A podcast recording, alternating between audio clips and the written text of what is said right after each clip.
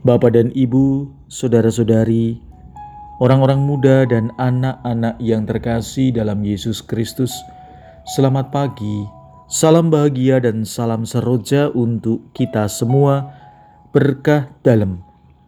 Bersama dengan saya, Romo Antonius Garbito Pambuaji, menyampaikan salam dan berkat Allah yang Maha Kuasa dalam nama Bapa dan Putra dan Roh Kudus. Amin. Hari ini Selasa 23 Februari dalam pekan Prapaskah pertama. Bacaan pertama dalam liturgi hari ini diambil dari kitab Nabi Yesaya bab 55 ayat 10 sampai dengan 11. Bacaan Injil diambil dari Injil Matius bab 6 ayat 7 sampai dengan 15. Dalam khotbah di bukit, Yesus berkata kepada murid-muridnya, "Dalam doamu, janganlah kamu bertele-tele seperti kebiasaan orang yang tidak mengenal Allah. Mereka menyangka bahwa karena banyaknya kata-kata, doa mereka dikabulkan. Jadi, janganlah kamu seperti mereka, karena Bapamu mengetahui apa yang kamu perlukan sebelum kamu minta kepadanya.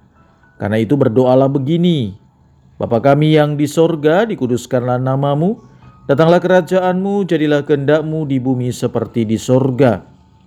Berikanlah kami pada hari ini makanan kami yang secukupnya, dan ampunilah kami akan kesalahan kami, seperti kami juga mengampuni orang yang bersalah kepada kami. Dan janganlah membawa kami ke dalam pencobaan, tetapi lepaskanlah kami daripada yang jahat. Amin. Karena jikalau kamu mengampuni kesalahan orang, Bapamu yang di sorga akan mengampuni kamu juga. Tetapi jikalau kamu tidak mengampuni orang Bapamu juga tidak akan mengampuni kesalahanmu.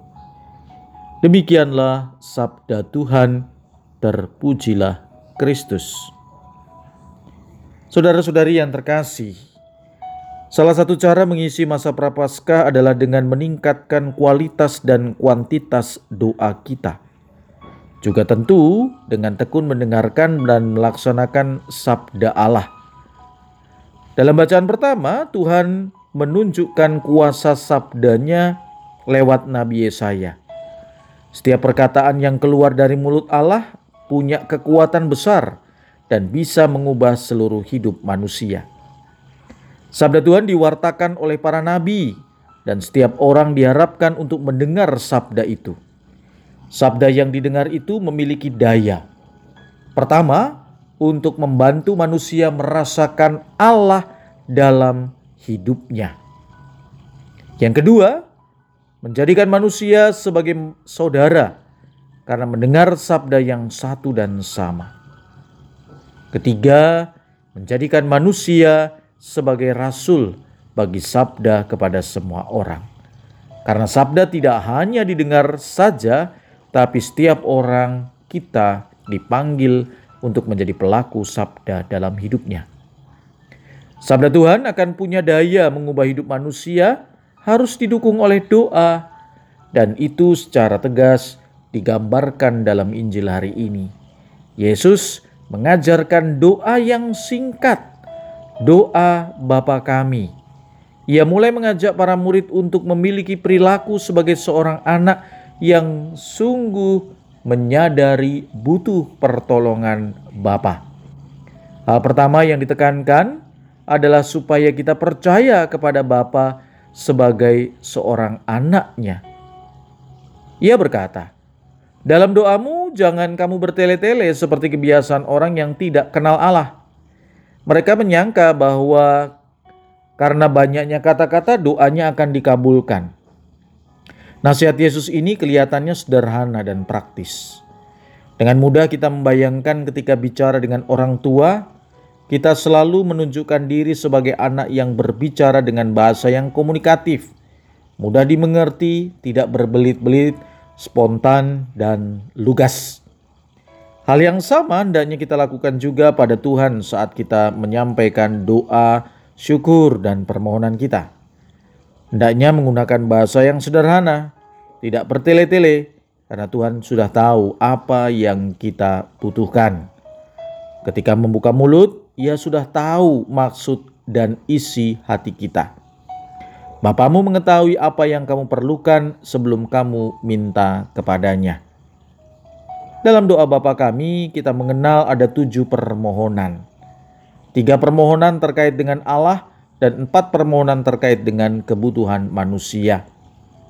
Dimuliakanlah namamu, datanglah kerajaanmu, jadilah kehendakmu di atas bumi seperti di dalam surga. Inilah tiga permohonan pertama. Yang keempat, permohonan untuk kebutuhan manusia. Berilah kami rezeki pada hari ini. Ampunilah kesalahan kami seperti kami mengampuni yang bersalah kepada kami. Jangan masukkan kami ke dalam pencobaan dan bebaskanlah kami dari yang jahat.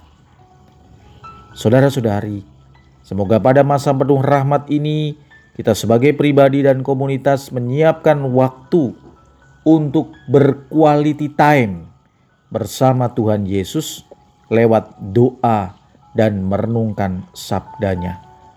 Doa dan sabda Allah adalah satu kesatuan. Maka ketika kita berdoa, kita yakin Tuhan mendengarkan kita. Dan ketika kita berdoa, kita harus percaya bahwa Tuhan akan mengabulkan permohonan kita. Dan ketika kita berdoa, kita harus yakin dan percaya apa pun yang terjadi, entah dikabulkan, entah tidak, kita harus percaya bahwa doa akan memperkuat iman kita. Doa akan mengubah hidup kita menjadi lebih baik. Marilah kita berdoa Ya Tuhan, sabdamu bagai air yang mengaliri tubuh kami. Semoga kami dapat mewujudkan dalam hidup kami sehingga menyegarkan jiwa raga kami dan sesama. Berkat Allah yang Maha Kuasa, dalam nama Bapa dan Putra dan Roh Kudus. Amin.